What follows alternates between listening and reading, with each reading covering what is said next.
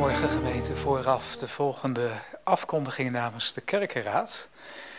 Uh, in de eerste plaats, uh, dominee Post uit Putten is vanmorgen verhinderd. Daarom uh, ga ik, dominee Zuidam uit Noordwolde, voor.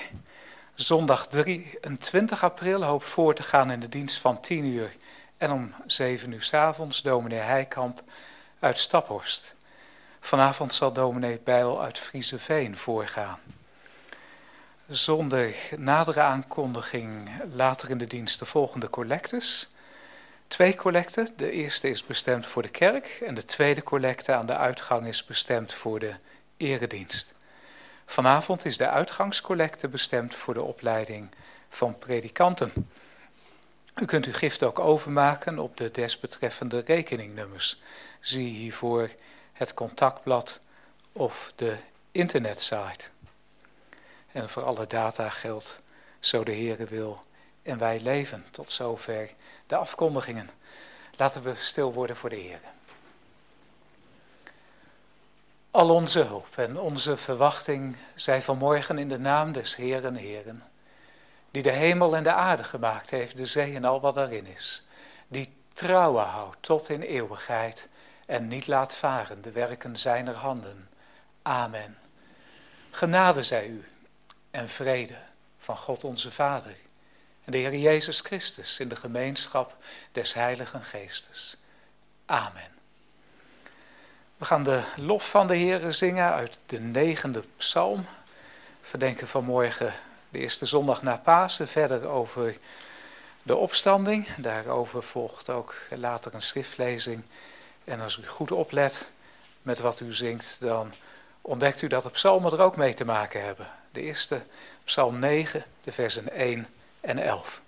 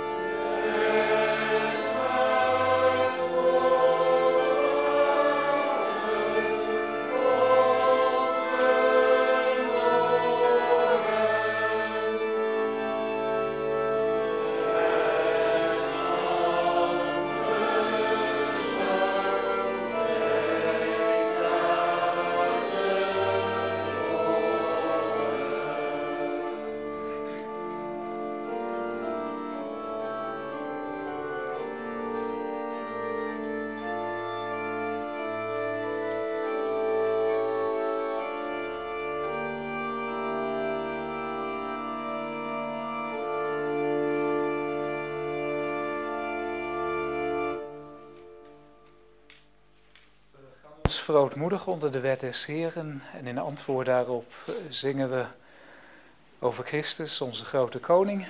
Psalm 72, de versen 4 en 10. Toen sprak de Heer al deze woorden, zeggende, ik ben de Heer uw God, die u uit Egypteland, uit den diensthuizen uitgeleid heb. Gij zult geen andere goden voor mijn aangezicht hebben. Gij zult u geen gesneden beeld, nog enige gelijkenis maken van hetgeen dat boven in den hemel is, nog van hetgeen dat onder op den aarde is, nog van hetgeen dat in de wateren onder de aarde is. Gij zult u voor die niet buigen, noch hen dienen. Want ik, de Heere uw God, ben een ijverige God die de misdaad der vaderen bezoekt aan de kinderen, aan het derde en aan het vierde lid dergenen die mij haten. En doe barmhartigheid aan duizenden dergenen die mij liefhebben en mijn geboden onderhouden. Gij zult de naam des Heeren uw Gods niet ijdelijk gebruiken, want de Heere zal niet onschuldig houden die zijn naam ijdelijk gebruikt. Gedenkt den Sabbatdag dat gij dien heiligt. Zes dagen zult gij arbeiden en al uw werk doen. Maar de zevende dag is de Sabbat des Heeren uw Gods. Dan zult gij geen werk doen. Gij, nog uw zoon, nog uw dochter, nog uw dienstknecht, nog uw dienstmaagd, nog uw vee, nog uw vreemdeling, die in uw poorten is. Want in zes dagen heeft de Heer de hemel en de aarde gemaakt, de zee en alles wat daarin is. En hij rustte ten zevende dagen. Daarom zegende de Heer den Sabbatdag en heiligde denzelven. Eer uw vader en uw moeder, opdat uw dagen verlengd worden in het land dat de Heer uw God geeft. Gij zult niet doodslaan, gij zult niet echt breken, gij zult niet stelen. Gij zult geen valse getuigenis spreken tegen uw naasten. Gij zult niet begeren uw naasten huis. Gij zult niet begeren uw naasten vrouw, noch zijn een dienstknecht, noch zijn een dienstmaagd, noch zijn een os, noch zijn een ezel, noch iets dat uw naasten is.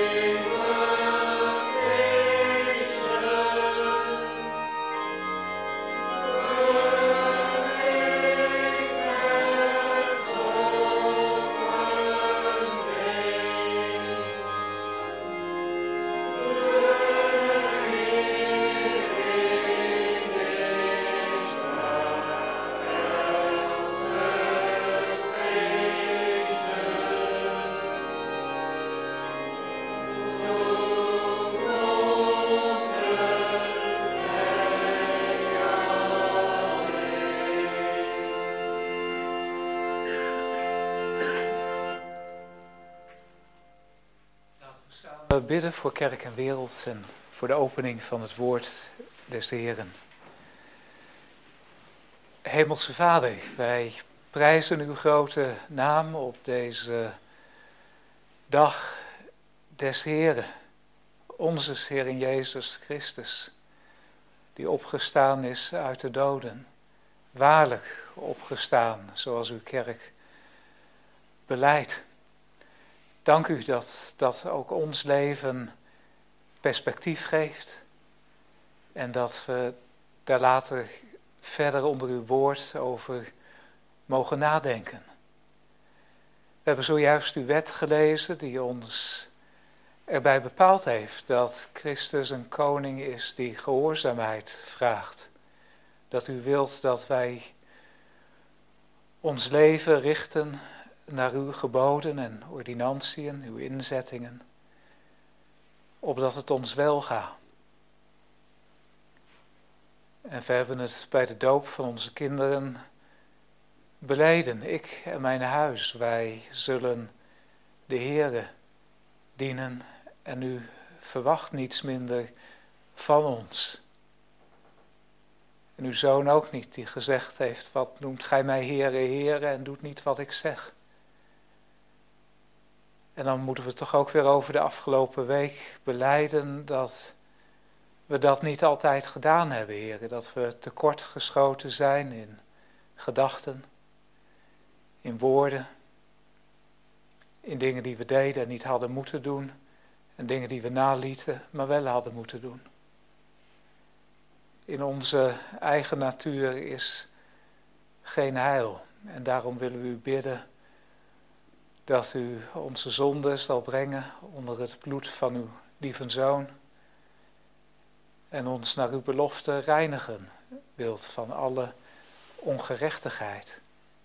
Help ons om onze zaligheid buiten onszelf in Christus te zoeken en vervolgens ook Hem achterna te gaan. Want daar zonde kan het niet. Help ons om dichtbij te blijven en waar we veilen niet in wanhoop te vervallen, maar juist naar u te gaan. Omdat er bij u uitkomst is tegen de zonde en tegen de dood. We bidden nu voor kerk en wereld. We bidden nu voor onze opleiding van predikanten, waarvoor binnenkort ook weer uh, collecte is. We bidden nu voor de collega's, voor mijzelf, dat we in trouw aan uw woord en de bedoeling uw geestes ons werk zullen doen. En wilt u dat, dat zegenen, soms zelfs ondanks ons.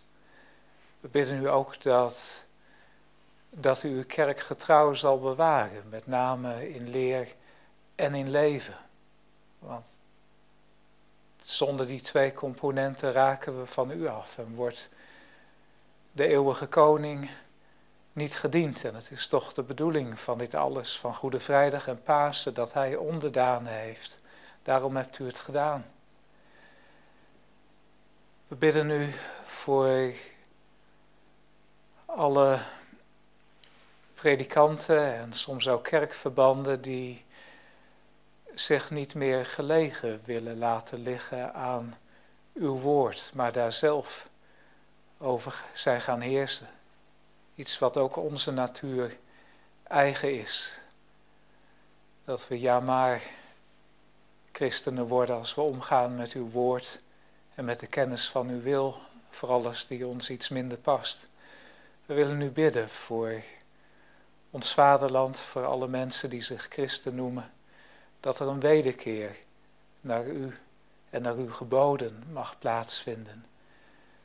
We bidden u in dat opzicht ook voor het kabinet Rutte, dat in plaats van leugens en optimisme en wegschuiven van problemen, er waarheid en gerechtigheid en liefde tot de naaste in onze landen mogen heersen.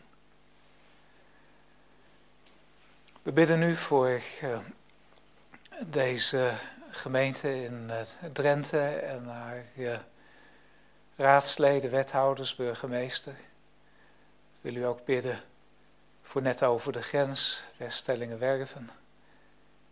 We dragen deze regio van Nederland aan u op. We willen u bidden dat u ons trouw zal maken als kandelaar. En dat is naar uw woord alleen, naarmate uw licht schijnt. En niet als we zelf maar wat proberen. Daarom bidden we om die verbinding met de olie van de Heilige Geest. We dragen de zieken, de bejaarden, de eenzamen aan u op. Misschien hier vanmorgen, misschien thuis. Wil u bidden dat u en alle een God van nabij zult zijn en zult laten zien dat zij hier zijn met een bedoeling en dat uw liefde naar hen uitgaat. We bidden nu voor onszelf van morgen. We hebben gebeden voor de vergeving van onze zonden, voor uw bijstand. Nu willen we u vragen om bijstand in het openen van uw woord. Uw heilig woord, dat op bijzondere wijze uw openbaring aan ons leven draagt. Woorden die levensveranderend kunnen zijn gedragen door uw geest. Daarom bidden we u om de bijstand van uw geest. De verlichting van ons verstand in spreken en in luisteren. Een opmerkzaam oor en een gewillig hart. Dat bidden we in de naam van de opgestane die met u en de Heilige Geest, de ene enige God, leeft en regeert tot in eeuwigheid. Amen. Vanmorgen één schriftlezing uit het Nieuwe Testament, een epistellezing van de apostel Paulus, 1 Korinthe en daarvan het vijftiende hoofdstuk.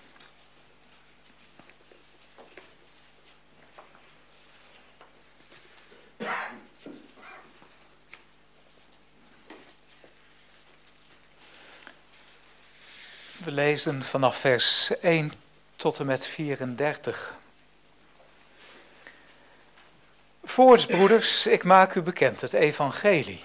Dat is het goede nieuws. Dat ik u verkondigd heb, het welk gij ook aangenomen hebt, in het welk gij ook staat. Door het welk gij ook zalig wordt, indien gij het behoudt op zodanige wijze als ik het u verkondigd heb. Tenzij dan dat gij te vergeefs geloofd hebt. Want ik heb lieden ten eerste overgegeven, hetgeen ik ook ontvangen heb, dat Christus gestorven is voor onze zonden naar de schriften. En dat hij is begraven en dat hij is opgewekt ten derde dagen naar de schriften. En dat hij is van Cephas gezien, daarna van de twaalfe. Daarna is hij gezien van meer dan vijfhonderd broeders op eenmaal van welke het merendeel nog overig is en sommigen ook zijn ontslapen. Daarna is hij gezien van Jacobus, daarna van al de apostelen. En ten laatste van allen is hij ook van mij als van een ontijdig geborene gezien. Want ik ben de minste van de apostelen die niet waardig ben een apostel genoemd te worden, daarom dat ik de gemeente Gods vervolgd heb. Doch, door de genade Gods ben ik dat ik ben.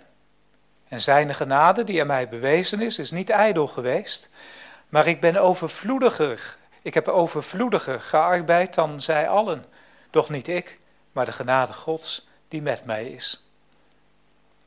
Het zij dan ik, het zij zij lieden, alzo prediken wij, en alzo hebt gij geloofd.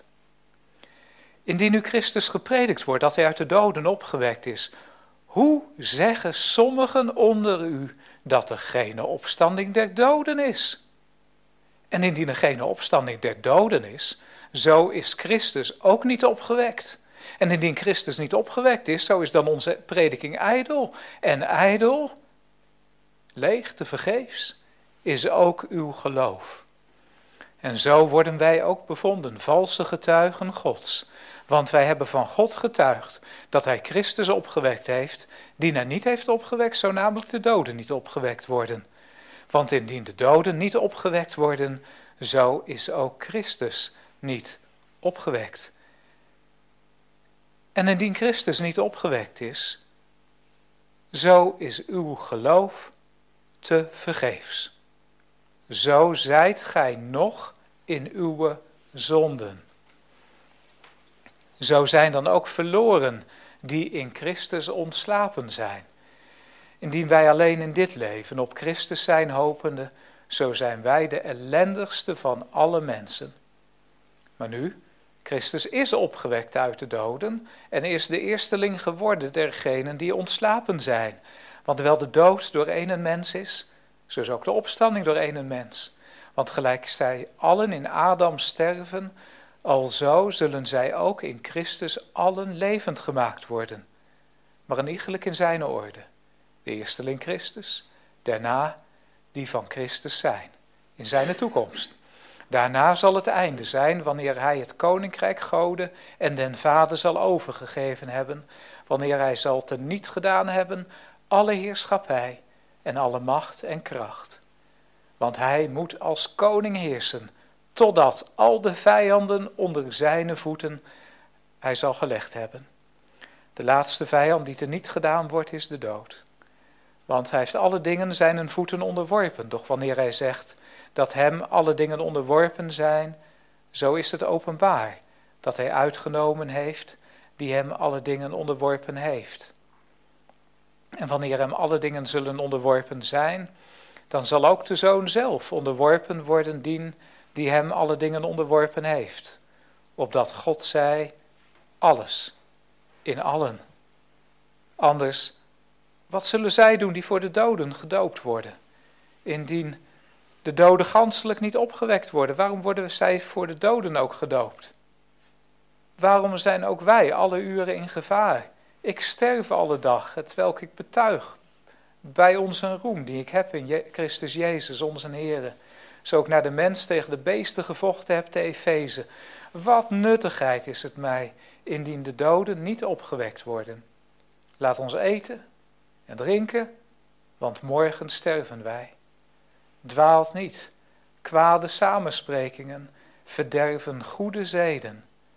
Waakte op rechtvaardig en zondig niet, want sommigen hebben de kennis Gods niet. Ik zeg het u tot schaamte. Amen. Zalig wie het woord van God hoort en het in zijn hart bewaart. Ter voorbereiding op de prediking willen we gaan zingen van de dertigste psalm en daarvan het eerste en ook het achtste vers.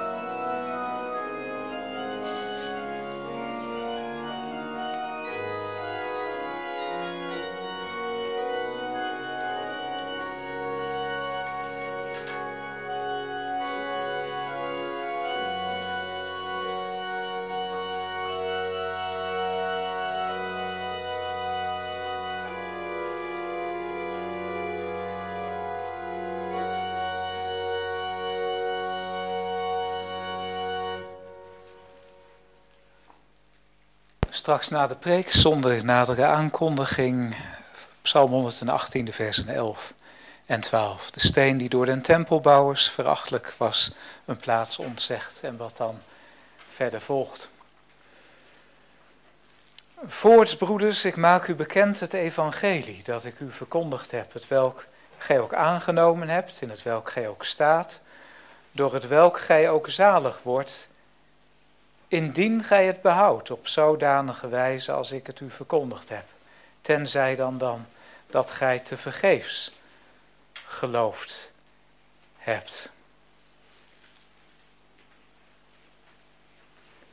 Paulus die spreekt over het evangelie, het goede nieuws, en hij verbindt dat met de opstanding van Christus. Het is goed nieuws dat de dood overwonnen is.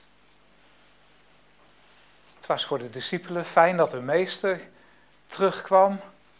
Voor de familie dat, van de Heer Jezus dat hij er weer was, zeg maar. Maar opstanding uit de dood, ja, dat is iets waar ons verstand niet bij kan. Dat kan natuurlijk gesproken, dat kunnen wij met onze kennis van natuurkunde en biologie niet uitwerken hoe dat zou moeten kunnen. Dus het is iets wat voor ons verstand een mysterie is en waarvan je normaal gesproken zou denken, dat kan niet. En dan zegt de apostel Paulus vanmorgen, maar het is toch echt gebeurd. Waarlijk opgestaan. En daar gaat hij van getuigen. Dat is het eerste punt van de preek straks. Maar het is niet genoeg om te geloven dat dat nou allemaal echt was. Dat de Heer Jezus is opgestaan uit de dood. Er waren ook redenen voor, vertelt de apostel Paulus.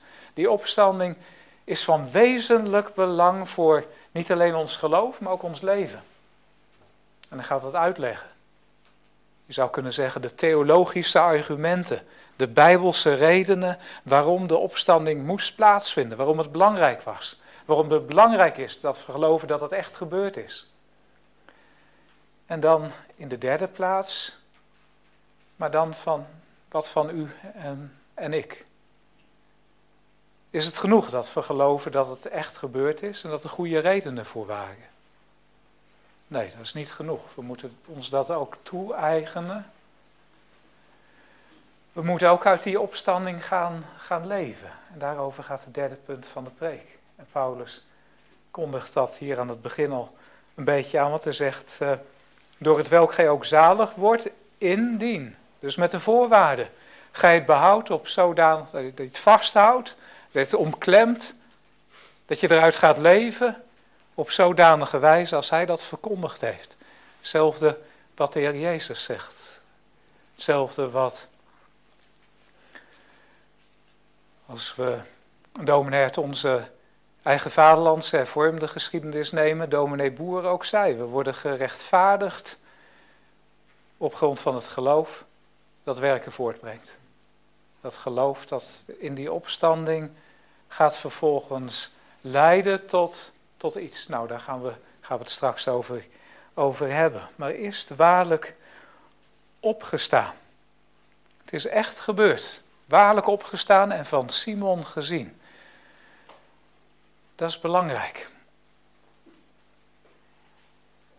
Om meer dan één reden, wat we zouden kunnen zeggen. Eigenlijk moet je blij zijn als mensen geloven dat er iets is na de dood. Want we leven eigenlijk een hele materialistische, seculiere samenleving.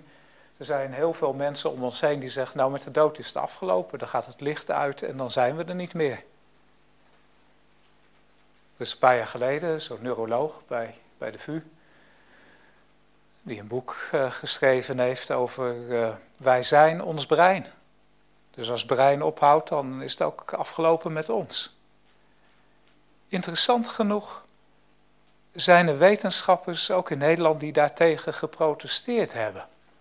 Onder andere een cardioloog, Pim van Lommel. Hij heeft een paar jaar geleden een boek geschreven dat heet Eindeloos Bewustzijn. En uh, professor van Lommel, die heeft zich jarenlang, of dokter van Lommel, hij zal wel bij een academisch ziekenhuis geweest zijn, die heeft zich jarenlang, ik denk al vanaf de jaren zeventig, bezig gehouden met bijna doodervaringen. In het Engels heet dat near death experience. Wat is dat? Nou, het kan gebeuren dat je een ongeluk krijgt en dat je hart het niet meer doet. En als dat een paar minuten niet gewerkt heeft, dan schakelen de hersenen af en uiteindelijk verklaren de dokters je dan klinisch dood. Er zijn geen waarneembare tekens van leven meer. Het bloed stroomt niet meer, hart doet het niet meer. Geen hersengolven die we kunnen meten met de huidige stand van zaken van de medische wetenschap. Maar ondanks dat de dokters dus dachten dat, dat mensen dood waren, en meestal volgt daarop dan ook het, uh, het sterven en komen mensen niet meer terug, gebeurt het toch regelmatig dat de mensen wel terugkomen. En daar zijn wetenschappers die zich daarmee bezig gehouden hebben. Er is zelfs een internationaal tijdschrift van bijna doodervaringen, waar professoren artikelen schrijven over ervaringen die goed gecontroleerd zijn, zodat we het zeker weten dat het, uh, dat het niet bedacht is, of dat ze toch stiekem met mensen gepraat hadden voordat. Uh, laat ik een voorbeeld geven. Een klein meisje dat was verdronken, naar het ziekenhuis gejaagd en werd klinisch dood verklaard, maar kwam later toch weer bij.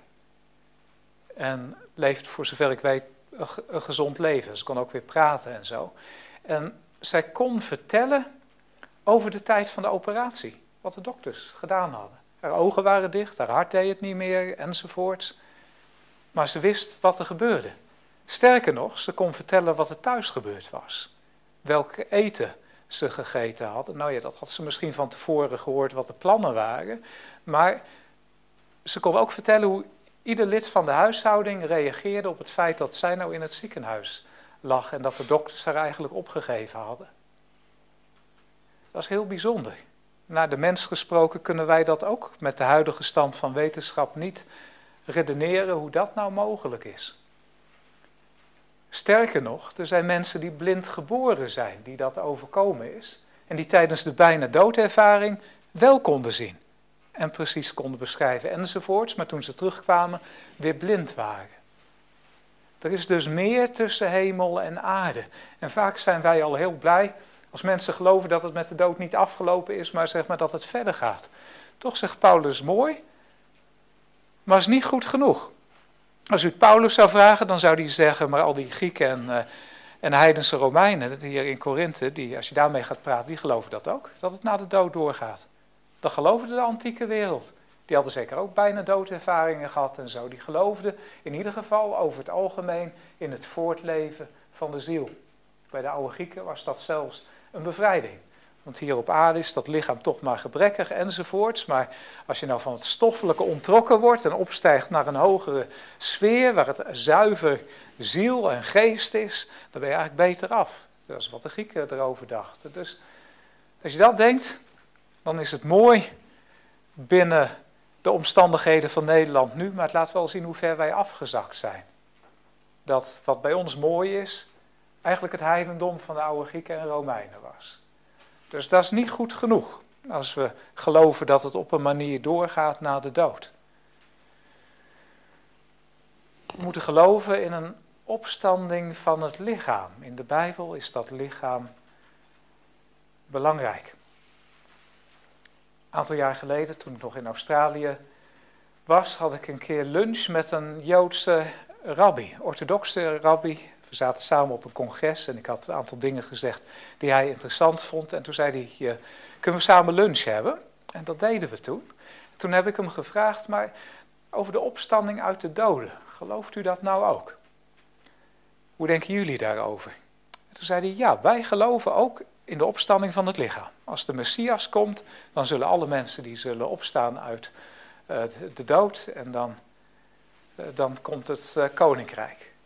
Dat geloven orthodoxe Joden. Ik heb het later nog eens verder nagekeken en orthodoxe islamieten geloven dat ook. Dat er een opstanding van doden is.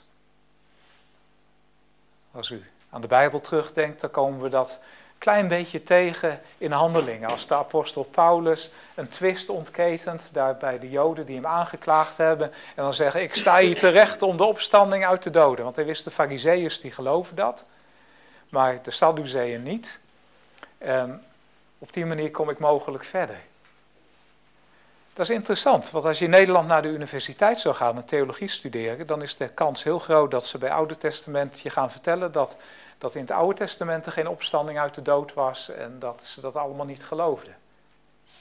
Dat is niet waar als je met orthodoxe Joden praat. Die zeggen juist, er is wel opstanding uit de doden.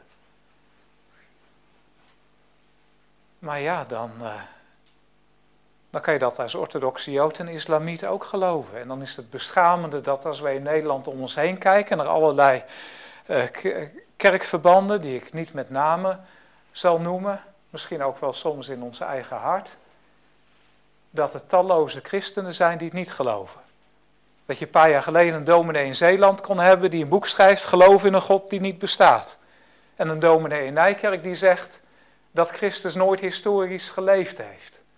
Dan is dat toch beschamend dat, dat moslims en joden meer geloven van de Bijbel dan mensen die zich christen noemen. Dat je eigenlijk als orthodox protestant dichter bij islamieten en joden staat dan bij mensen in andere kerkverbanden die zich christen noemen.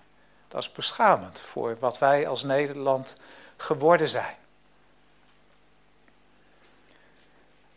Maar u voelt het aan, ook geloven in een algemene dodenopstanding is niet goed genoeg. Het bereidt wel de weg voor om te geloven dat Christus uit de dood is opgestaan, maar dat laatste is wezenlijk aan het evangelie, aan het goede nieuws.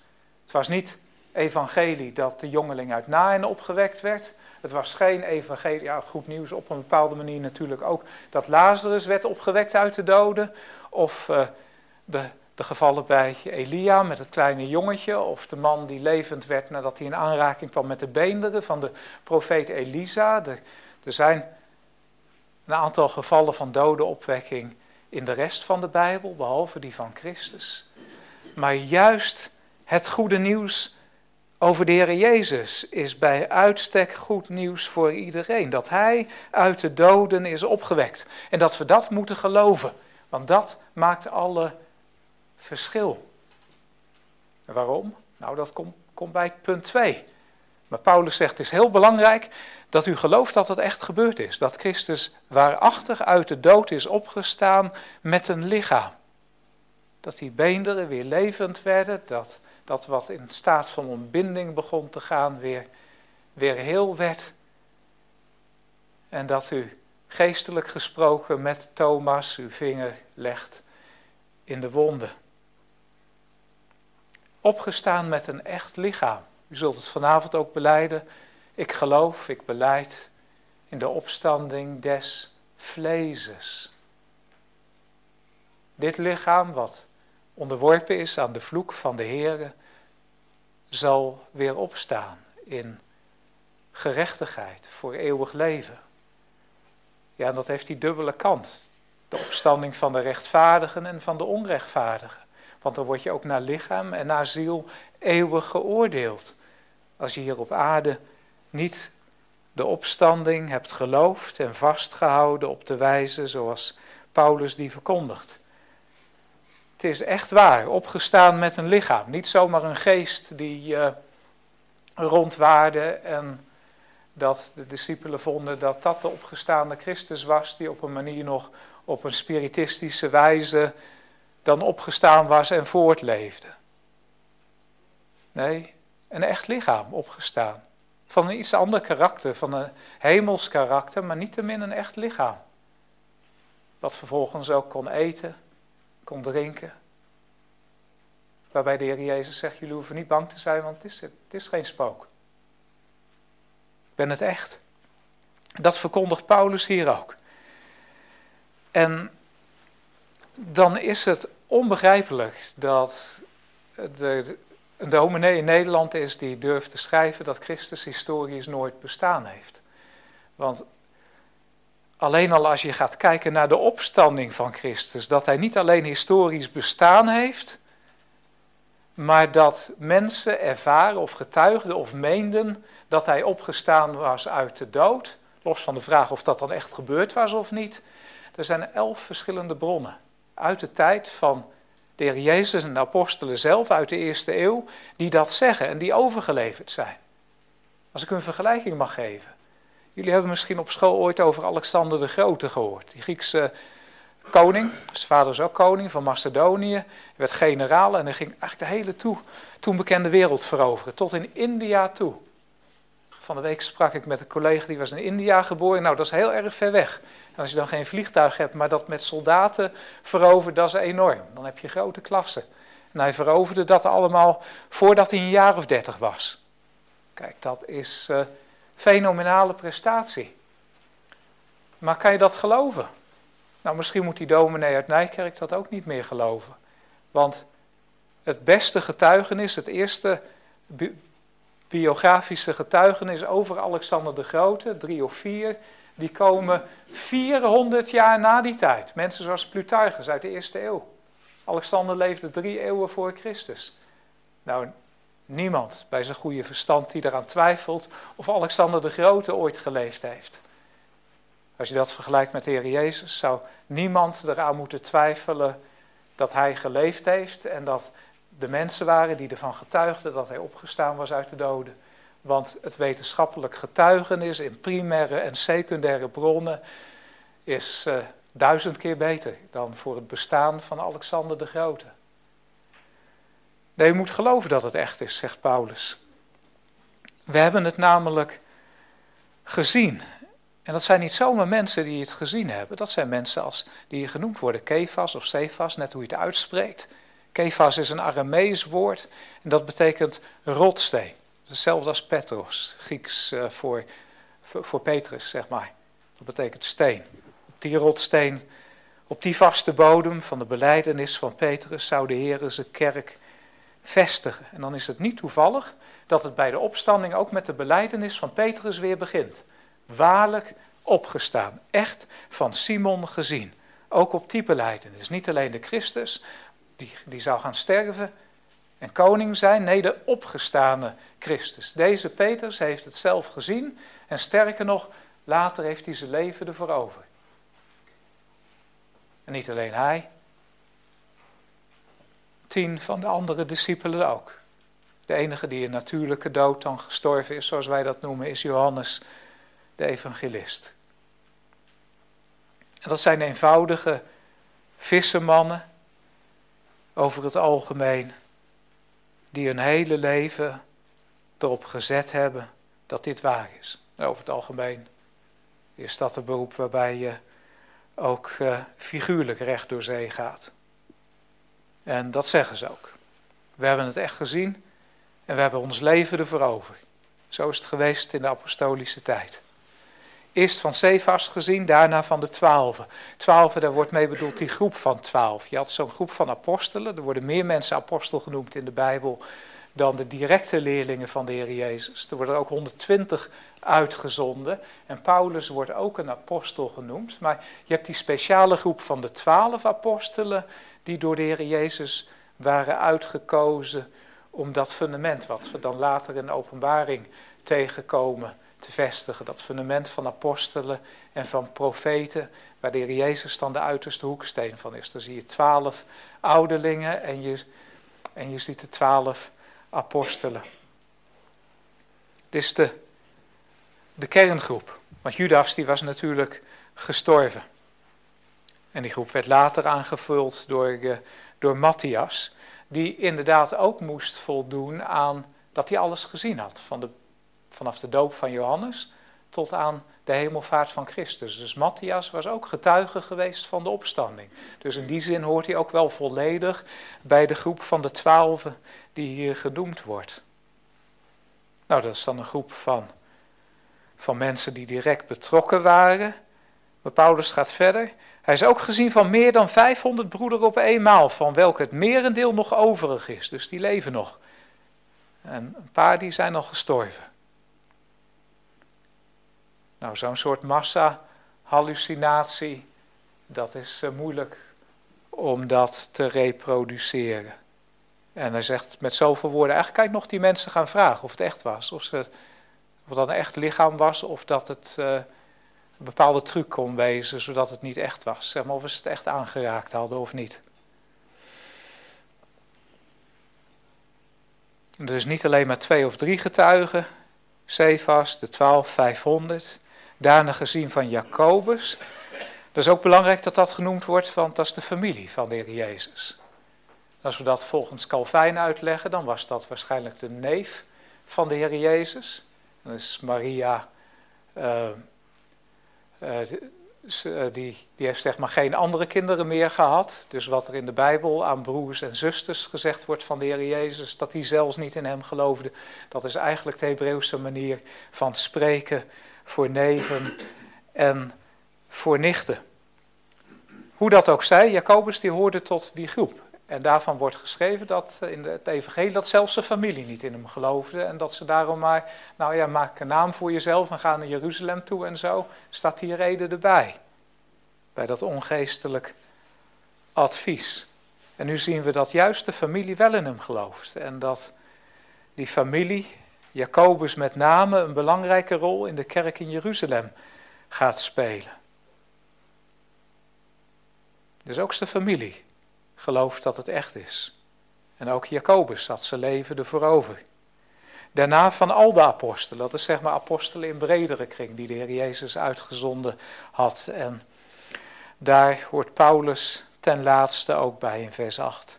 Ten laatste van alle is hij ook van mij als van een ontijdig geborene gezien. Want ik ben de minste van de apostelen, die niet waardig ben een apostel genoemd te worden. Daarom dat ik de gemeente Gods vervolgd heb. Als we dat op ons laten inwerken, een beetje laten, laten inzinken. Hier hebben we iemand wiens hele leven omgedraaid is. Hij vervolgde de gemeente. Hij was een orthodoxe Jood die zei, geloof wel in opstanding van de doden, maar deze Jezus, dat is, dat is een dwaling. Daar moet je voor oppassen. En mensen die daarin geloven, die moeten we vervolgen voor ze nog meer Joden misleiden. Desnoods met geweld, desnoods met brieven en soldaten en ook nog tot aan de grenzen, tot in Damascus toe. Overal razzia's houden bij christelijke gemeenten en afvoeren. Dat was Paulus die grandioos aan het carrière maken was binnen het Jodendom. Ook zeg maar bij het Oxford van die dagen gestudeerd had, bij Gamaliel. Dus Paulus was helemaal klaar voor een carrière tot de allerhoogste regionen. Maar dat gaf hij op. Na de ervaring bij Damascus en zijn leven werd omgedraaid. Waarom? Omdat hij in aanraking kwam met de opgestane Christus en ontdekte, maar het is echt de Heer Jezus leeft. En ik, ik heb het helemaal verkeerd gedaan. Onder beleidenis van zijn zonde was het bij hem niet alleen woorden, maar ook daden. En dan gaat je leven een andere richting op, het smalle pad op. En nou is diezelfde man die de gemeente van Christus vervolgde, getuige van de opstanding. Het is echt waar. En als je iemand kunt geloven, dan is het mij, want mijn hele leven was anders. Ik geloofde er niks van. Maar ik heb moeten ontdekken door schade en schande dat het echt is. Ook ik getuigde van waarlijk opgestaan. Dat was punt 1. Het is belangrijk dat het echt gebeurd is. Maar er zijn ook redenen voor. Als u goed hebt opgelet, en dat hebt u natuurlijk, dan bent u een, twee keer een zinsnede tegengekomen naar de schriften. In vers 3 en vervolgens ook weer in vers 4, naar de schriften. Dus niet alleen waarlijk opgestaan, nee, volgens de Bijbel. Volgens het spreken van de Heere God. In het Oude Testament, door de profeten. Zoals de Heer Jezus eh, zelf zei, Mozes die heeft van hem geschreven. En de profeten getuigen ervan dat deze dingen al zo moesten geschieden. En, uh, en de psalmen ook. Nou, er zijn diverse psalmen die inderdaad tot in de details, tot in het werpen van het lot over zijn kleed en zo. Het uh, voorspellen wat er zou gaan gebeuren.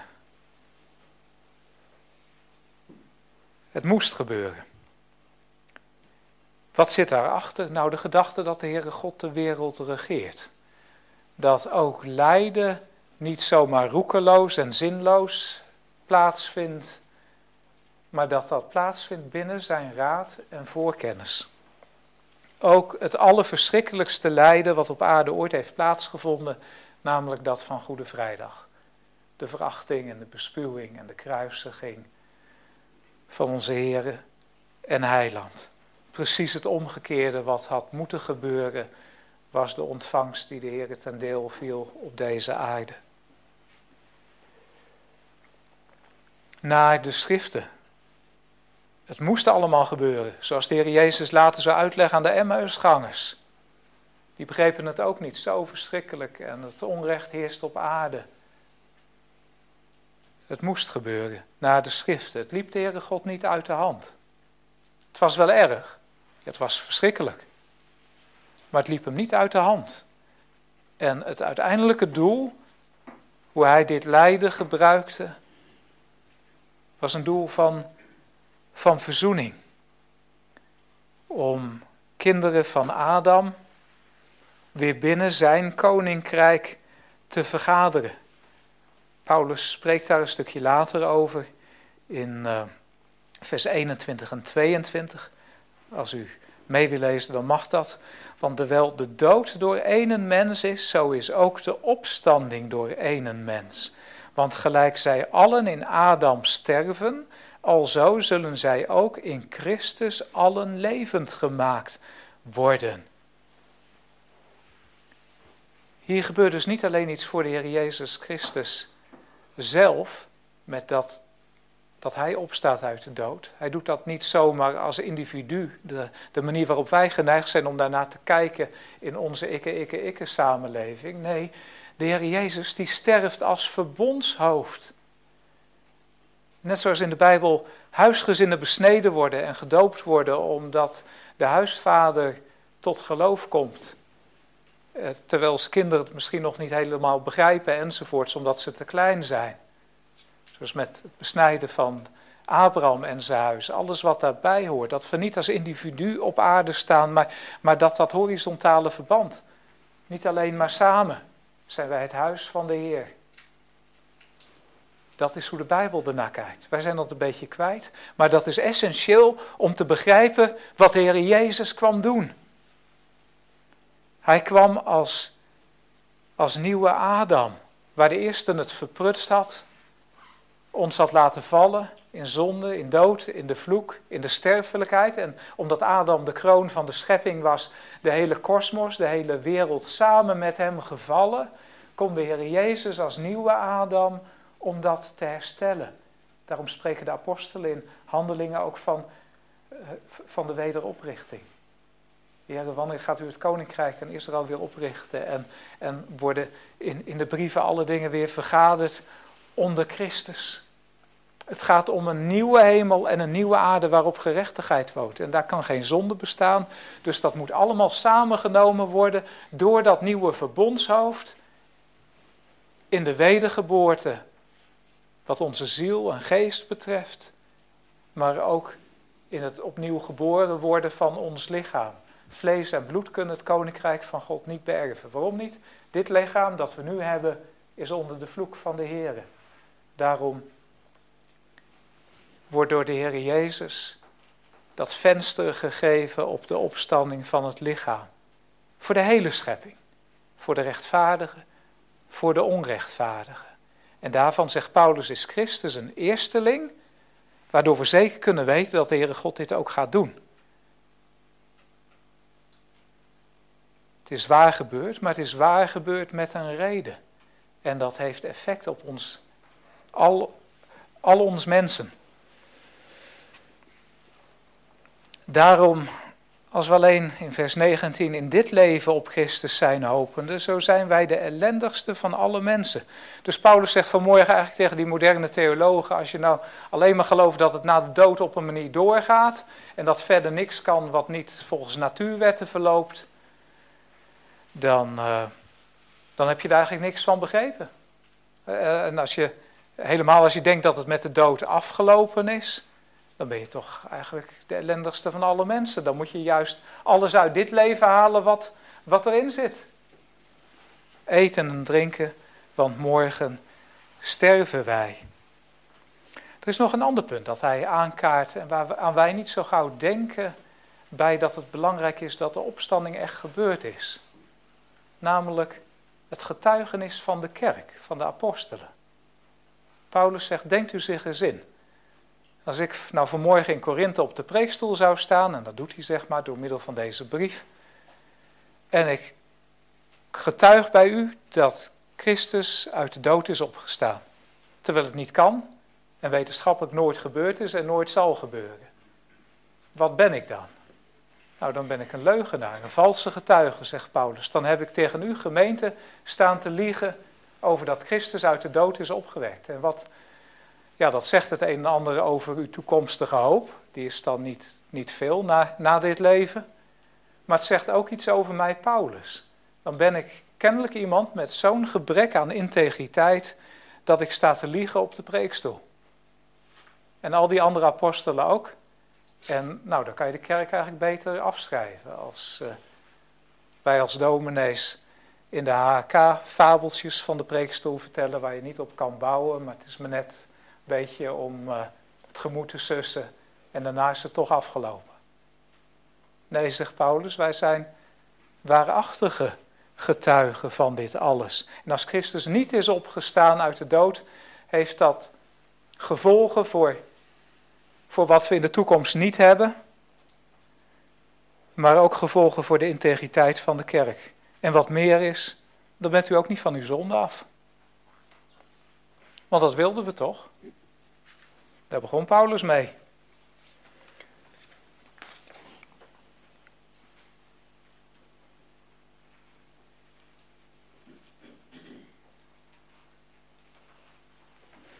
In vers 3 dat Christus is gestorven voor onze zonden na de schrift en dat is begraven en dat is opgewekt en derde dagen na de schriften. En de opstanding die toont dat het volbracht is en dat het offer aanvaard is en dat de toekomst gaat plaatsvinden en dat Christus een eersteling is en dat het offer wat hij gebracht heeft op Goede Vrijdag effect gaat hebben. Nou, als je dat niet gelooft, dan ben je niet van je zonde af. En dan is dan die zonde ook nooit betaald en aanvaard door de Heere God. En er is nooit, nooit goed gekomen tussen, tussen de Heere en ons. Ook niet voor nu. Zelfs als je hier een tijdje leeft als Sadduceer en denkt dat het daarna afgelopen is, dan, dan ben je letterlijk van God los. En dan is de toorn van God nog over jouw leven. En kan je een beetje goed proberen te maken hier en daar met offers en goede daden, maar dan blijft het uh, behelpen hier op aarde. En dan de mensen die al gestorven zijn van onze familie, ja, die hebben natuurlijk ook geen toekomst. Dus u ziet, het hele evangelie dat u jarenlang gehoord hebt, dat valt in duigen als de opstanding niet echt is. En de integriteit van de kerk ook. Dus het is heel belangrijk. Alles hangt er vanaf, zo'n beetje. Dat was punt 2. Maar dan het moeilijkste punt 3. We weten dat het waarlijk opgestaan is. We weten dat het belangrijk is, waarom het allemaal gebeurd is. Maar wat van mij? Ik kan geloven dat het allemaal echt gebeurd is. Kan ook geloven dat al die theologische redenen die Paulus hier opgesomd heeft, dat die waar zijn, dat het belangrijk is, als hersteld hervormd lidmaat, dat je die gelooft, die redenen. Maar helpt dat de Heere God en helpt dat ons?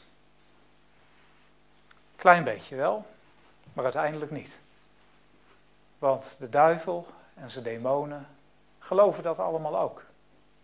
En ze sidderen, zegt de heilige apostel Jacobus. Het is niet genoeg om te geloven dat het echt gebeurd is. Dat we onszelf opwerken tot zo'n gevoel dat we denken, ja, we geloven nou. We hebben boekjes gelezen en zo. En nou hebben we genoeg gevoel dat we denken dat de opstanding wel echt gebeurd is. En omdat we dat gevoelsniveau bereikt hebben, eh, denken we, nou komen we in de hemel. Nee, dan moet ik u vanmorgen verkondigen dat dat niet zo werkt. Dat is niet het geval. Dat is niet, niet genoeg.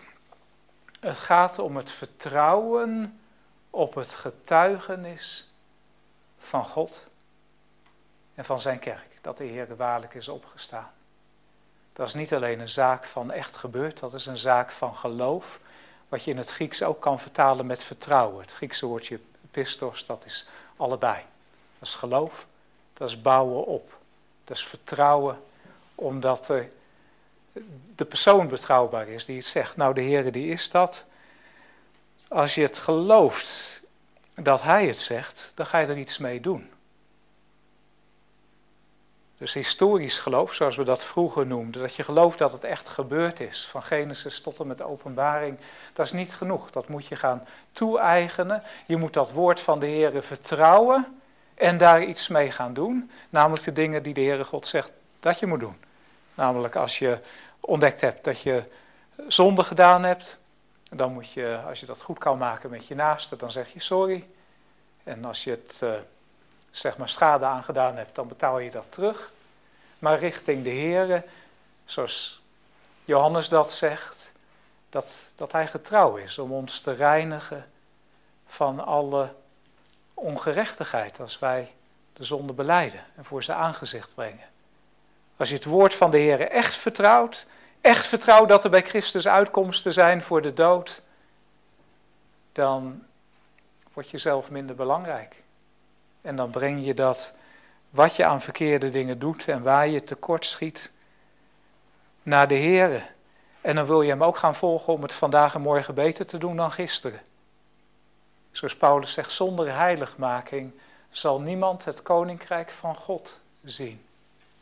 De Hebreeënbrief wordt dat uitgewerkt, dat we eigenlijk in een ernstiger situatie zijn dan in het Oude Testament, waar de dieren niet eens de berg Sinai op mochten en de mensen ook niet. En dan moesten ze, moesten ze gedood werden of dat gebeurde vanuit de hemel. Dat was al heel eng en erg met die donderende stem, zeg maar, waarvoor het volk bang was. En zei, nou Mozes, ga jij de berg maar op, ga jij maar met hem praten, want God is zo heilig. Als het Nieuwe Testament dan zegt, onze God is een verterend vuur, dan maken we ernst met de aanspraken van koning Jezus, die ons vrijgekocht heeft van de dood en van, van zonde en dat bezegelt in de doop dat we ook naar de geboden van die koning gaan wandelen. En dan niet zomaar regeltjes volgen, maar omdat we zijn woord vertrouwen.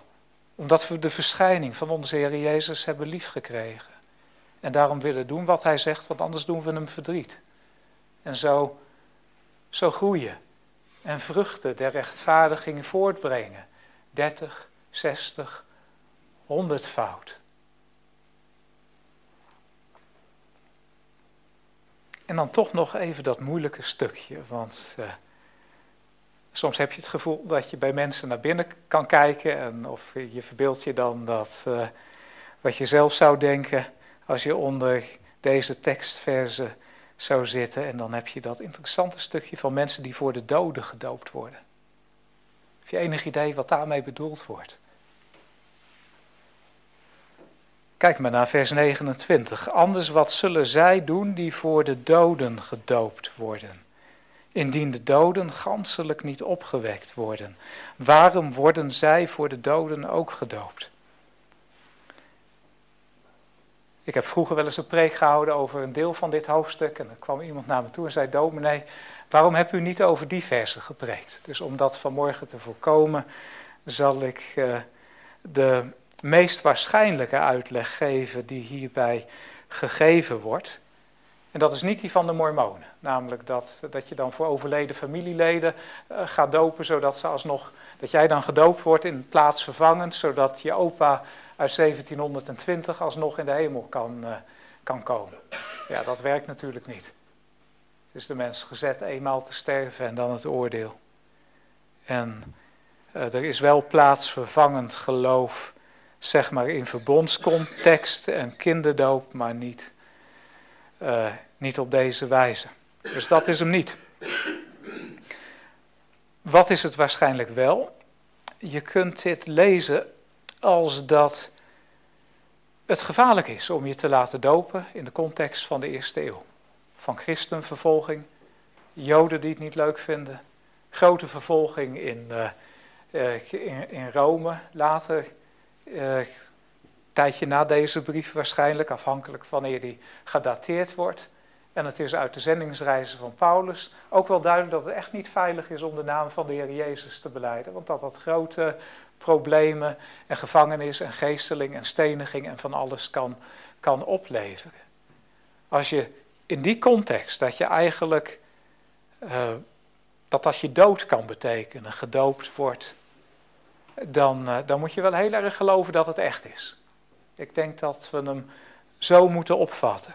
Dat wordt, uh, daarin worden we ook gesterkt door wat Paulus verder vertelt.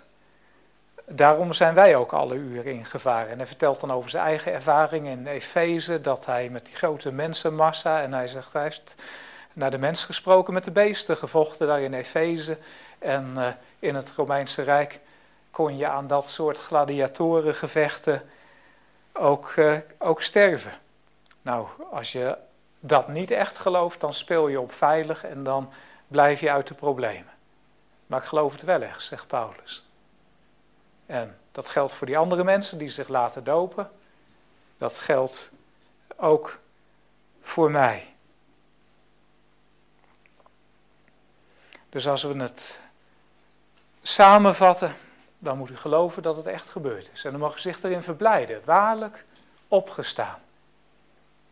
En daar is een goede reden voor, want de poort naar het eeuwig leven, ook voor ons lichaam, is geopend door het lijden, sterven en opstaan van de Heer Jezus. En die dingen horen bij elkaar. Maar in de derde plaats is het belangrijk dat we niet alleen geloven dat het echt gebeurd is, maar dat we er ook geestelijk en praktisch iets mee gaan doen. Dat we laten zien dat we dat woord van de Heer vertrouwen. Dat we tot hem nader in beleidenis van zonde, in bespreking van de dingen van ons leven, onze vragen, onze wanhoop, onze blijde dingen, dat we die ook voor Hem uitspreken. Soms schieten we daarin een beetje tekort, dat we de Heer niet de lof geven die Hij waard is. Dat we de hele tijd bezig zijn met onszelf en onze ziel en onze redding en zo, maar, maar dit is een koning die, die geloofd wil worden, omdat Hij het waard is. En dat zullen we straks ook zingend gaan doen. Amen.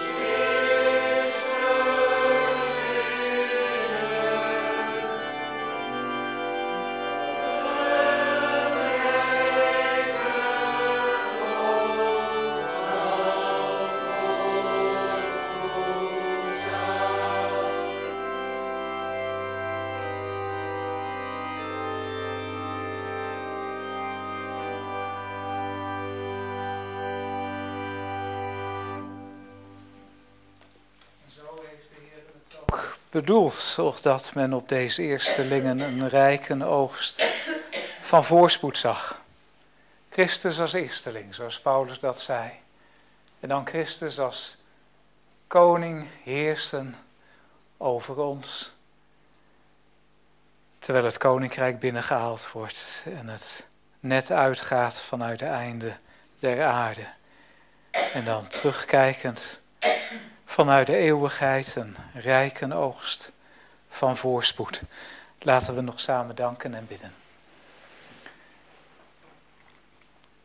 Here in de hemel, wij danken u dat de zoon David aan uw rechterhand zit.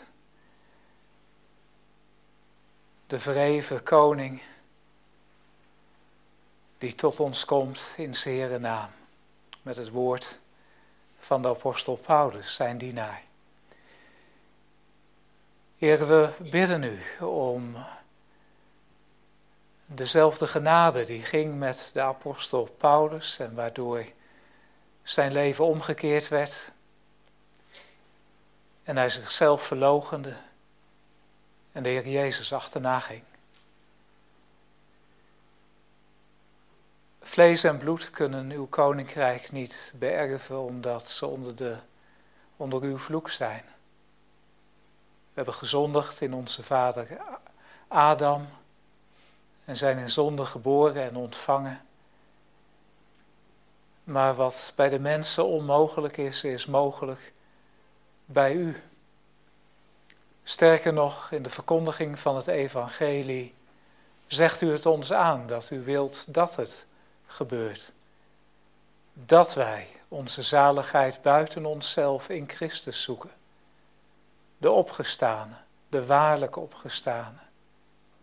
Dat we het geestelijk tasten, bevinden, onszelf verlogen, onze zonde beleiden en Hem achterna gaan.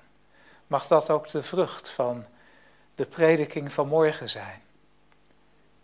Tot eer van uw naam en tot bevordering van het koninkrijk van uw Zoon, onze Vader die in de hemelen zijt.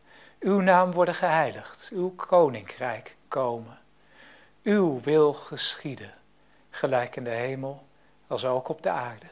Geef ons heden ons dagelijks brood en vergeef ons onze schulden, gelijk ook wij vergeven onze schuldenaren. En leid ons niet in verzoeking, maar verlos ons van de boze. Want uw is het koninkrijk en de kracht en de heerlijkheid tot in eeuwigheid. Amen.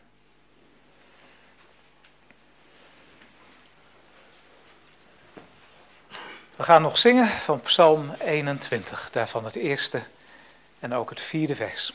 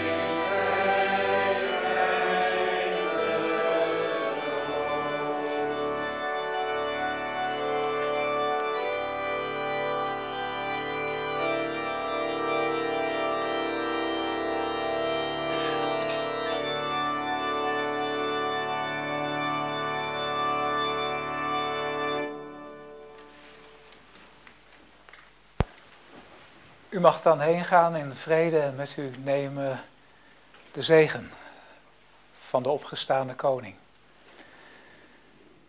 De genade van onze Heer Jezus Christus, de liefde van God en de gemeenschap des Heiligen Geestes zij en blijven met u allen.